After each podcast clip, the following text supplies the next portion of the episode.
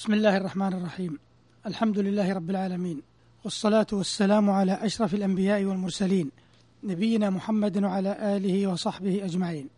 أيها المستمعون الكرام سلام الله عليكم ورحمته وبركاته.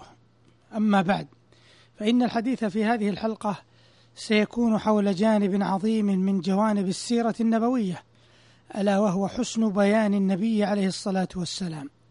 فلا ريب أن حسن البيان وفصاحة المنطق وبلاغته من ضروب العظمة الحاملة على إجلال صاحبها. وغير خاف أن النبي عليه الصلاة والسلام قد بلغ الذروة في ذلك الشأن. فقد أحرز من خصلتي الفصاحة والبلاغة الغاية التي ليس وراءها لمخلوق غاية. فانظروا إن شئتم إلى مخاطباته وخطبه وما يضربه من الأمثال وينطق به من جوامع الكلم. تجد جزالة اللفظ ومتانة التركيب وسهولة المأخذ إلى رفعة الأسلوب إلى حكمة المعنى. أما حديثك في العقول فمشرع والعلم والحكم الغوالي الماء هو صبغة الفرقان نفحة قدسه والسين من سوراته والراء جرت الفصاحة من ينابيع النهى. من دوحة وتفجر الإنشاء في بحره للسابحين به على أدب الحياة وعلمها إرساء. قال القاضي عياض رحمه الله وأما فصاحة اللسان وبلاغة القول فقد كان صلى الله عليه وسلم من ذلك بالمحل الأفضل والموضع الذي لا يجهل سلاسة طبع وبراعة منزع وإيجاز مقطع وفصاحة لفظ وجزالة قول وصحة معان وقلة تكلف أوتي جوامع الكلم وخص ببدائع الحكم. انتهى كلامه رحمه الله. أيها المستمعون الكرام لقد كان عليه الصلاة والسلام ينوع في الأساليب ويراعي مقتضيات الأحوال ويستخدم أنواع التأثير التي سبقت كثيرا من النظريات والدراسات الحديثة في فن الخطابة والإلقاء والتأثير في الناس. ولو انبرى دارس لجمع شيء من ذلك لظفر بما لا يخطر بالبال من تلك المادة. وإليكم فيما يلي شيئا من هذا القبيل. مما يؤكد مرتبة النبي صلى الله عليه وسلم العالية في البيان والتأثير.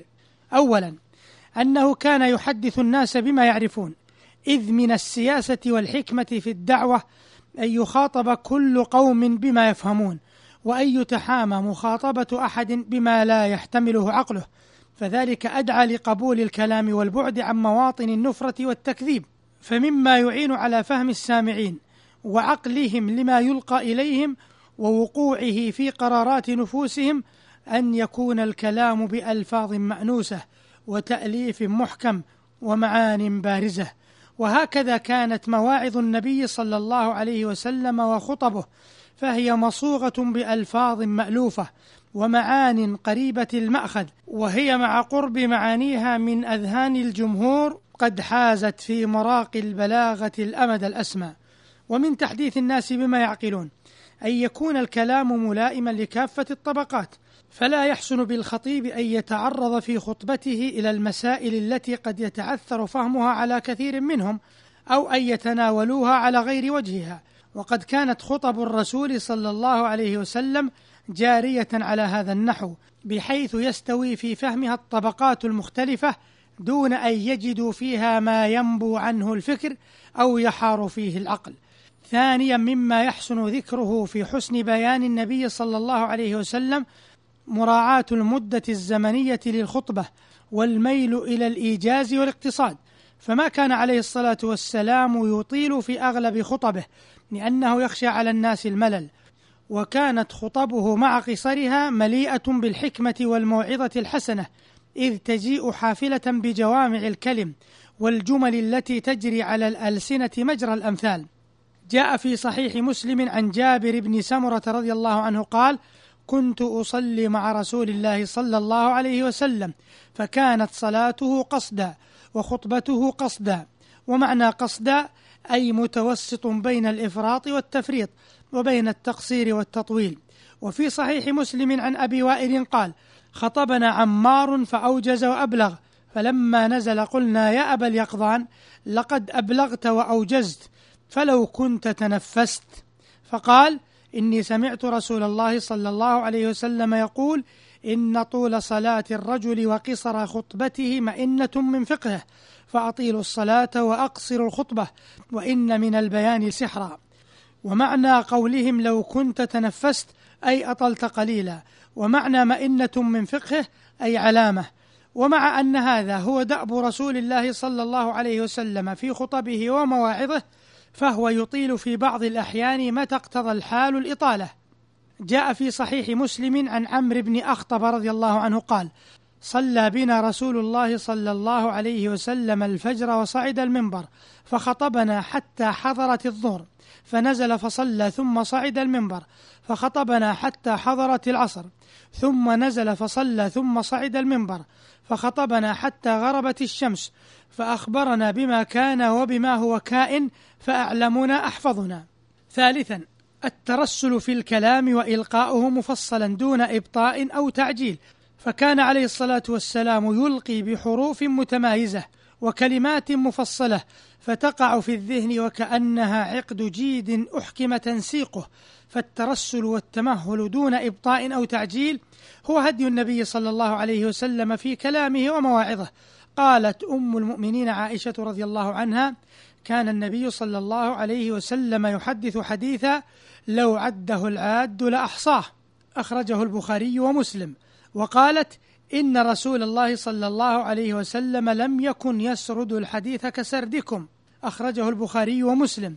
قال ابن حجر رحمه الله في شرح الحديث الأول قولها لو عده العاد لأحصاه أي لو عد كلماته أو مفرداته أو حروفه لأطاق ذلك وبلغ آخرها والمراد بذلك المبالغة في الترتيل والتفهيم. وقال رحمه الله في شرح الحديث الثاني قولها لم يكن يسرد الحديث كسردكم أي يتابع الحديث استعجالا بعضه إثر بعض لئلا يلتبس على المستمع.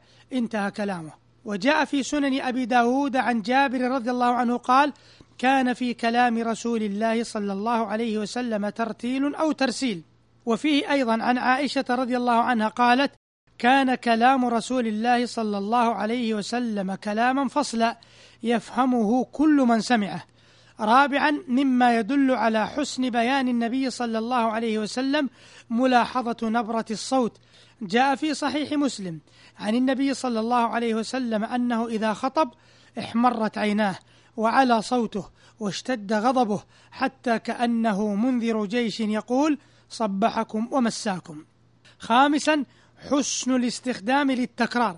فإن للتكرار أثرا كبيرا في جذب الانتباه وتأكيد المعاني وتقريرها في الأذهان والخطيب البارع يحسن استخدام التكرار ويوقعه مواقعه اللائقة به. ولقد كان النبي صلى الله عليه وسلم يأخذ بهذا الأسلوب وربما أعاد الجملة ثلاث مرات إذا كان المقام يقتضي ذلك.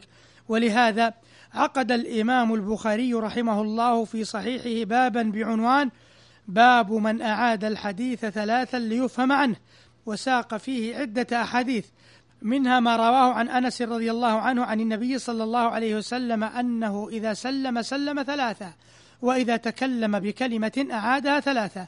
وعن أنس أيضا عن النبي صلى الله عليه وسلم أنه كان إذا تكلم بكلمة أعادها ثلاثا حتى تفهم عنه. وعن عبد الله بن عمرو رضي الله عنه قال تخلف رسول الله صلى الله عليه وسلم في سفر سافرناه فأدركنا وقد أرهقنا الصلاة صلاة العصر ونحن نتوضأ. فجعلنا نمسح على أرجلنا فنادى بأعلى صوته ويل للأعقاب من النار مرتين أو ثلاثة أخرجه البخاري ومسلم. والأحاديث في ذلك كثيرة منها قوله ألا وقول الزور فما زال يكررها أخرجه البخاري. وقال ابن عمر رضي الله عنهما قال النبي صلى الله عليه وسلم هل بلغت ثلاثة؟ أخرجه البخاري. وعن عبد الله بن عمر رضي الله عنهما عن النبي صلى الله عليه وسلم قال لا صام من صام الأبد لا صام من صام الأبد لا صام من صام الأبد. رواه مسلم. أيها المستمعون الكرام إلى هنا ينتهي وقت هذه الحلقة التي تبين فيها شيء من حسن بيان النبي عليه الصلاة والسلام وللحديث صلة في الحلقة القادمة إن شاء الله. والسلام عليكم ورحمة الله وبركاته.